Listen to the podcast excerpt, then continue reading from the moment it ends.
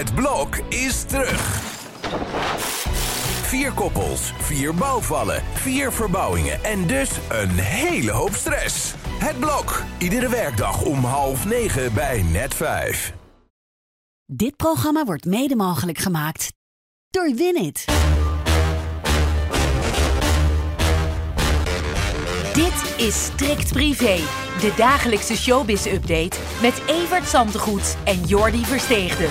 Op 20 februari, de dag waarop we zometeen een grote vriend van de show gaan feliciteren. Ja. Jazeker, we houden nog even geheim Ja. wie het is. Hè. Zo werkt dat Ja. dan in de podcast. Maar die is goed jarig, hè? Die- Nou, inderdaad zeg. En wie vandaag ook een klein beetje jarig is, is Gordon. En daar gaan we het ook over hebben, want die haalt nu alweer uit op deze feestelijke dag Ach Joling. ja hoor, daar is hij weer mensen. Ja, Dat zometeen. zou het allemaal rustig aan gaan doen, maar dat lukt nog niet heel erg. Mm, Dat is bullshit. We gaan het eerst hebben over, ja, zouden die nog vrienden zijn? Eugene Akjol en Matthijs van Nieuwkerk. De backstabber en de, de gevallen presentator. Ja, die Eus, dat is echt Gek? Moet zo langzamerhand zijn waffel gaan houden. Echt. Ja. Je moet zich gewoon gaan schamen over al die draaien, die rare verhalen die hij verspreidt over een filmpje wat er niet is. Ja. Wat niemand gezien heeft behalve hij. En waar die Matthijs echt finaal mee heeft afgeslacht. En, Ja. nou, die niet alleen, die man die mept zo om zich heen. Mhm. Ik had het ook helemaal gedaan. Bagger is het wat wij eh, Ja. in ons blad eh, doen. Nou, ik vraag me af wanneer hij dat leest.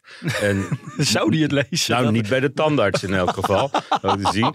Eh, Nou, nou, en, eh, maar verder denk ik, je hebt dat blad helemaal nooit gezien, man. Bovendien, sto je stond tot laatst in met een groot interview. Ja. En, dan- en dan nu dit. En Ja. eh, hij weet helemaal niet. Wij gooien alles op een hoop. Juice-kanalen, Ja. eh, privé, waar prachtige interviews in staan. Een medische rubriek die heel veel gelezen wordt. En eh, dat gooi je dan allemaal op een hoop. En dan Mhm. zeg je dat ons weg in een hoek met bagger. Nou, bagger is gewoon een vriend op deze manier laten vallen. Zonder enige aanwijzing dat het echt bestaat. En dat had hij echt eh, heel anders moeten doen. En voor mij is die Eus helemaal klaar. ja, dat zegt ook Afslag wel. 23. Kijk, zullen we dan maar doorgaan? Ik wil er nog van alles over zeggen, Maar maar was het 32? Ik weet niet meer hoe dat boek heette.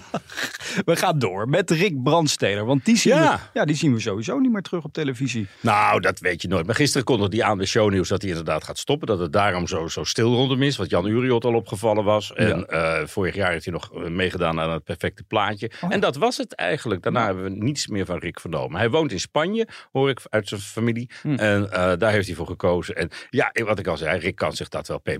Want Rick Oh. komt eigenlijk uit een heel rijk gezin. Hè. Vertel. Eh, opa, opa Brandsteder was de eigenaar van Sony in, in heel Benelux. Oh. Heeft die aandelen later terugverkocht, heel genereus, aan, aan Sony in Japan.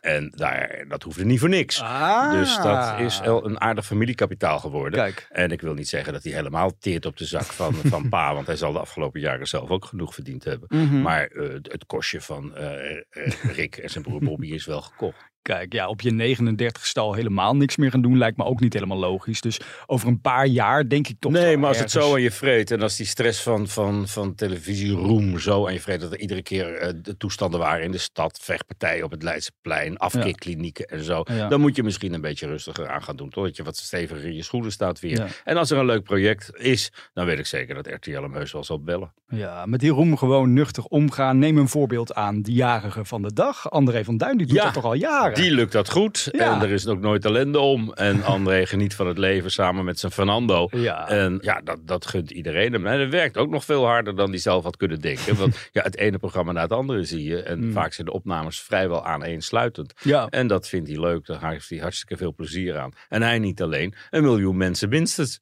Mooi hè, 77 jaar is die vandaag Ja. geworden. Zullen we dan even voor hem zingen? Dat vind ik Nee. wel. We gaan niet Nee, voor... daar doen we niemand een plezier mee. Dat is echt... eh, Maar daar hebben we toch ons het Oh ja. voor. Ja. Nou ja, De strikt privé jarige van de dag. Hiep hiep, hoera!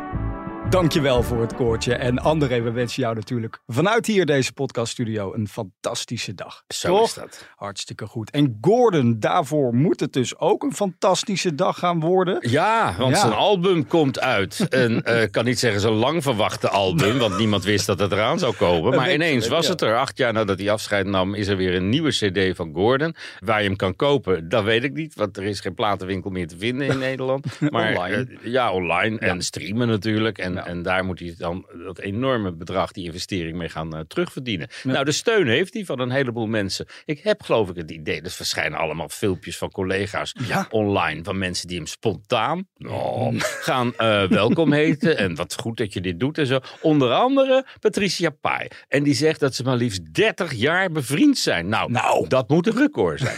Lieve Gordon, na acht jaar niet meer gezongen te hebben, komt er dan nu een prachtig album van je uit. Wij zijn al 30 jaar bevriend met elkaar, komt niemand tussen. Gefeliciteerd met de lancering van deze fantastische LP. Ik ben zo blij dat je weer bent gaan zingen. Want dat ben je. G, ik ben in jouw stad nu in Dubai. Maar ik wil alleen even zeggen dat ik heel trots op je ben. En heel blij voor je ben dat je eindelijk weer je passie kan uitoefenen. Lieve schat, je bent terug. En hoe? Het zijn prachtige nummers geworden. Wij zijn super trots op je. Kijk, Wie? dit zijn Ferry en Marvin. Die zou hij dus gaan trouwen.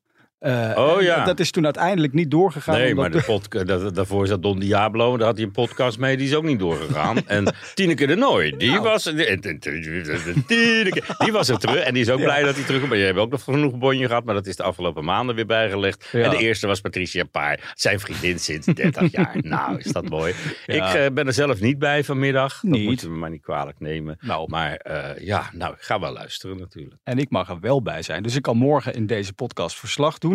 Nou ja, heeft Gordon dan nog vrienden over? We hebben net Nou, hij gehoord zingt van zelfs wel. Brel, hè? Ja, inderdaad. Ja. Dat is een ode aan Patrick. Zijn, nou, eigenlijk zijn grootste liefde die hij gehad heeft Oh. natuurlijk tot nu toe. Eh, dat staat speciaal eh, op dat album. Ik heb het al mogen luisteren. Het is veel pianomuziek.